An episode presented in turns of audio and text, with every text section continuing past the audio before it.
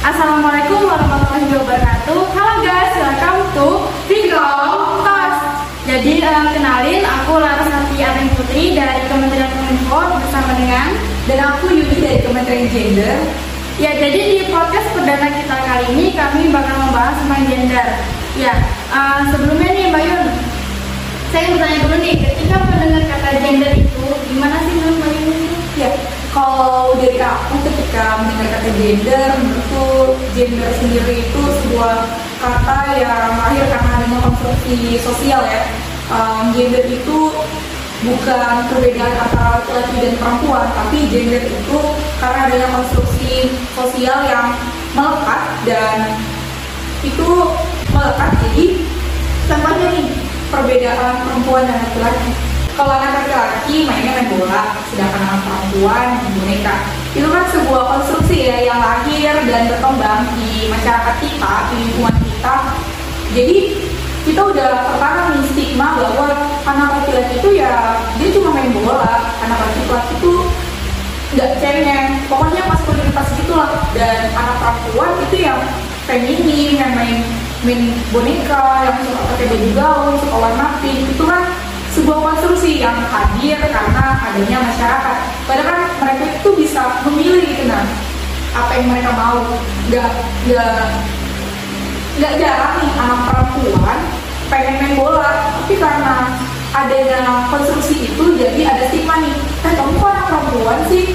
Kamu kan anak perempuan nggak pengen main bola gitu kan kayak gitu kayak gitu sih terkait konstruksi gender itu yang hadir di lingkungan kita saat ini Oh gitu ya Mbak Yun. Eh, lanjut ke pertanyaan selanjutnya ya Mbak. Boleh, boleh, boleh. Eh, jadi eh, menurut pandangan Mbak Yun ini, kesetaraan gender itu gimana sih? Ya, kalau bicara terkait kesetaraan gender ya, ya kalau bicara masalah kesetaraan gender sendiri itu merujuk pada suatu keadaan ya, keadaan antara laki-laki dan perempuan, entah entah memenuhi hak ataupun kewajiban, karena kesempatan yang sama antara sama manusia itu harus kita dapatkan gitu nah bukan karena jenis kelamin kamu perempuan ataupun kamu laki-laki sehingga tidak ada lagi tuh diskriminasi ataupun penindasan penindasan-penindasan yang hadir karena adanya perbedaan ataupun sekat antara perempuan dan laki-laki. Itu sih yang orang-orang selalu katakan dari kesetaraan karena kadang tuh contohnya nih orang-orang nih contoh paling simpel contoh paling simpel terkait kesetaraan itu ketika kita berada di organisasi ketika ada perempuan A dan dan laki-laki A yang memiliki tanggung jawab yang sama yang memiliki kinerja dan kualitas yang sama tapi ketika mereka ingin mencalonkan menjadi ketua kalau organisasi itu adalah organisasi yang menjunjung tinggi kata kesetaraan mungkin gak akan ada keluar kalimat yang kayak dia kan perempuan ngapain jadi ketua lebih cocok kan laki-laki yang jadi ketua dia kan perempuan lebih baik dia di belakang aja dia yang support laki-laki yang itu sih yang bikin aku merasa bahwa kesetaraan gender itu harus banget gitu nanti diterapkan untuk kita ataupun masyarakat mengingat banyaknya kasus-kasus kekerasan seksual di dalam kampus ya Yun. Em, menurut Kementerian Gender nih, kenapa Permendikbud itu harus direalisasikan di kampus? Ya kalau dari Kementerian Gender sendiri ya kenapa Permendikbud nomor 30 tahun 2021 itu harus segera direalisasikan? Ya kalau dari Kementerian Gender sendiri terkait implementasi Permen itu sangat urgent ya. Mengingat kasus kekerasan seksual yang ada di Indonesia itu sangat meningkat. Bahkan di kalau dikategorikan kampus ataupun sekolah itu ada di nomor urut ketiga terkait masalah kasus kekerasan seksual. Sehingga kita bisa lihat kalau kampus ataupun sekolah itu ternyata bukan ruang aman buat kita buat para korban. Dan kenapa Permendikbud ini harus segera direalisasikan? Karena Permen ini mengatur terkait pencegahan dan penanganan secara komprehensif. Dan di situ kita bisa lihat bahwa korban ataupun pelaku bisa ditindak tegas terkait terkait di, bisa di- ditindak tegas karena peraturan ataupun payung hukum yang mengatur terkait kasus kekerasan seksual ini. Dan secara yuridis Permendikbud ini dia punya legal standing nih untuk menindak terkait kasus-kasus kekerasan seksual yang ada di kampus. Sehingga Permendikbud ini juga jadi udara segar nih buat kita-kita. Karena dengan adanya Permendikbud ini kita bisa merasa aman dengan ancaman-ancaman kasus kekerasan seksual. Itu sih Laras yang bisa aku sampaikan terkait urgensi dari Permendikbud itu sendiri. Nah tadi alasan kenapa Permendikbud itu harus segera direalisasikan di kampus supaya mahasiswa-mahasiswa itu bisa merasa aman di kampus dari ancaman-ancaman kekerasan seksual. Nah selanjutnya nih, kenapa sih kekerasan seksual itu masih dianggap tabu dan aib sehingga dapat uh, sehingga korban-korban itu takut buat melapori kekerasan seksual yang mereka alami. Ya, sedih sih sebenarnya kalau dengar itu ya, tapi ini pertanyaan yang menarik karena kita tahu kalau kasus-kasus kekerasan seksual itu banyak banget. Kasus-kasus kekerasan seksual itu udah kayak gunung es. Banyak tapi hanya pucuknya aja yang kelihatan. Dan nggak semua orang mesti terkait apa yang dia dapatkan atas perlakuan-perlakuan tidak mengenakan atas kekerasan-kekerasan yang dia alami kayak itu kan. Dan di Catahu tahun 2019 itu ada ngeriset bahwa sebenarnya ada tiga jenis kasus kekerasan seksual yang paling banyak nih terjadi di lingkungan kita. Itu ada pencabulan sekitar 1136 kasus dan ada pemerkosaan sekitar 762 kasus dan pelecehan seksual sekitar 394 kasus itu yang dirilis di Catahu di tahun 2019 dan di tahun 2021 jumlah kekerasan terhadap perempuan itu meningkat di angka 2220 berdasarkan usia 13 sampai 17 tahun. Hingga di tahun 2021 nih, jumlah kekerasan terhadap perempuan itu kian meningkat di angka 2220 itu berdasarkan usia 13 sampai 17 tahun. Sedangkan di usia 6 sampai 12 tahun itu ada 1242 kasus yang terjadi kekerasan terhadap perempuan.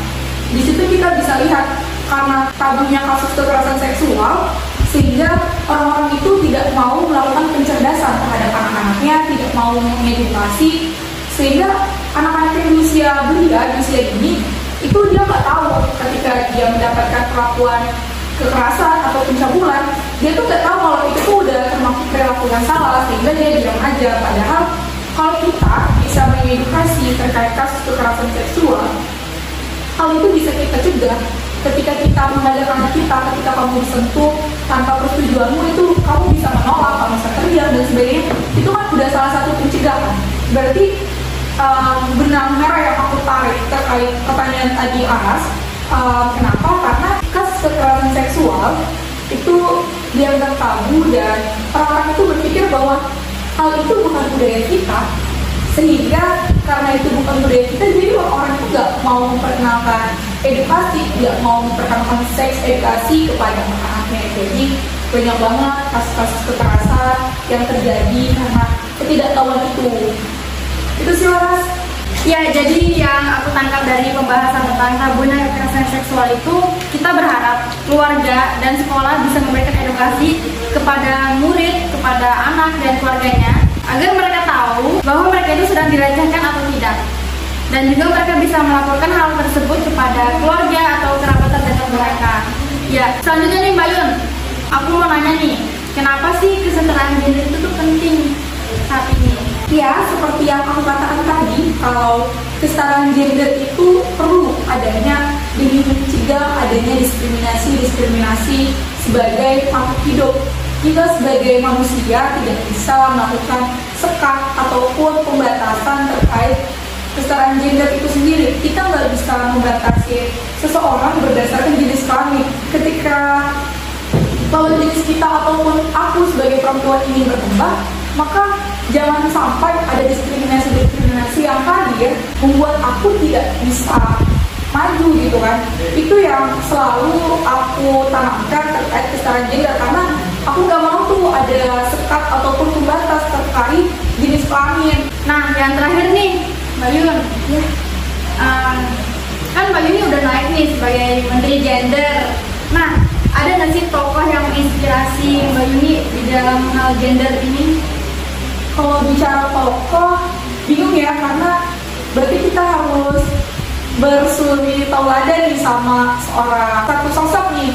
Aku sedikit kebingungan kalau ditanya terkait tokoh yang menginspirasi, tapi kalau yang terbesit di otakku ketika ditanya seperti itu mungkin Raden Ajeng Kartini kali ya karena kita lihat karena adanya Kartini kita bisa belajar, kita bisa membaca. Aku membayangkan kalau dulu tidak ada perjuangan Kartini, aku nggak bakalan bisa berdiri di sini mungkin sekarang. Aku hanya bisa di rumah mengurus rumah. Mungkin aku nggak bisa membaca sampai sekarang kalau tanpa adanya Raden Kartini ya. Bisa lihatlah perjuangan perempuan pada zaman itu. Dia adalah perempuan yang sebenarnya dia bisa belajar. Dia salah satu perempuan iklan lah ibaratnya makanya dia bisa menulis dia bisa membaca bahkan dia mengirim surat kepada teman-temannya di luar. Itu kan sebuah kemajuan. Namun itu tidak bisa didapatkan oleh wanita-wanita lainnya karena itu hanya bisa didapatkan oleh bangsawan pada saat itu. Kalau tidak ada perjuangan dari Kartini aku gak akan belajar dan Kartini itu salah satu perempuan yang pemikirannya maju menurutku pada zaman itu. Kita bisa lihat bahwa dia membuat buku habis gelap terbit terang. Itu kan sebuah kemajuan pada zaman itu perempuan belum ada yang bisa dibaca tapi dia sudah bisa membuat buku. Dia sudah punya relasi ke teman-temannya hingga dia bisa membuat sebuah sekolah gitu kan. Keren aja gitu. Kita lihat seorang bangsawan yang sampai dia hidup enak nih tapi dia mau berjuang dia mau melawan penindasan terhadap perempuan sehingga perempuan saat ini udah bisa maju. Itu sih menurutku terkait tokoh yang menginspirasi. Memang sih uh, Raden Ajeng Kartini ini banyak banget menginspirasi wanita-wanita di Indonesia termasuk Ayuni sendiri ya. Uh, ya jadi uh, itu tadi adalah pembahasan gender bersama Mbak Yuni. Makasih banget kepada Mbak Yuni atas kesempatannya hari ini. Padahal Mbak Yuni sibuk banget loh guys karena lagi ada yang harus diselesaikan hebat banget Mbak Yuni ini tetap mau nyempetin datang ke podcast kami hari ini Ya jadi inti dari podcast hari ini kesetaraan gender itu tuh penting banget di kehidupan sehari-hari. Dan juga perlu dengar lagi setara itu bukan berarti sama. Dan juga kita harus menyadari bahwa kekerasan seksual itu bukan hal yang tabu atau memalukan lagi. Dan juga kita harus bisa mengedukasi terhadap teman-teman kita kepada keluarga kita tentang kekerasan seksual ini. Dan yang terakhir nih Mbak Yun gimana sih harapannya untuk unggul ke depannya kita nanti ini Ya, kalau harapan aku sendiri terkait Permendikbud yang ada di kampus kita ini, aku berharap besar bahwa Permendikbud ini harus segera diimplementasikan, harus segera direalisasikan di lingkup kampus karena kenapa? Kasus kekerasan seksual itu banyak banget dan setiap hari selalu meningkat.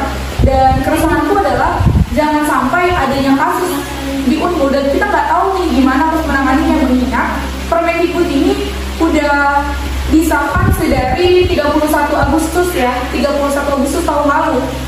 Dan sekarang sudah tahun 2022 tapi pengimplementasian ini belum segera disahkan sehingga besar harapanku bahwa pihak kampus harus segera mengimplementasikan Permendikbud ini secara terbuka bagi mahasiswa. Itu sih yang aku harapkan dari Permendikbud ini sendiri Ya jadi itu adalah harapan-harapan dari Mbak Yuni untuk UNMUL ke depannya. Kalau dari aku sendiri sih semoga UNMUL bisa menciptakan ruang aman di kampus untuk mahasiswa-mahasiswanya untuk belajar dan mencari ilmu di kampus tercinta ini. Uh, ya mungkin untuk podcast kali ini itu aja dari kami. Terima kasih sekali lagi buat Mbak Yuni udah menemani aku di sini membahas gender. Nah aku tadi juga belajar banyak sih. Apalagi tadi udah disebutkan ya. Uh, korban-korban pelecehan seksual itu ada berapa? Dan itu bahkan belum mereka yang tidak melaporkan ya Mbak Yuni ya. Itu cuma mereka yang melaporkan. Iya bener banget. Masih banyak orang-orang yang masih apa takut gitu ya buat Ya, melaporkan. Kalau misalnya semua melaporkan itu udah berapa itu? Gila banget sih angkanya pasti udah terhingga hmm, benar. Ya jadi mungkin itu aja dari kami. Uh, terima kasih sebelumnya sudah mau menonton. Uh, Vicom Talks Podcast dari BEM Fisik Unmul tahun 2022 kali ini. Terima kasih. Wassalamualaikum warahmatullahi wabarakatuh. See you next time.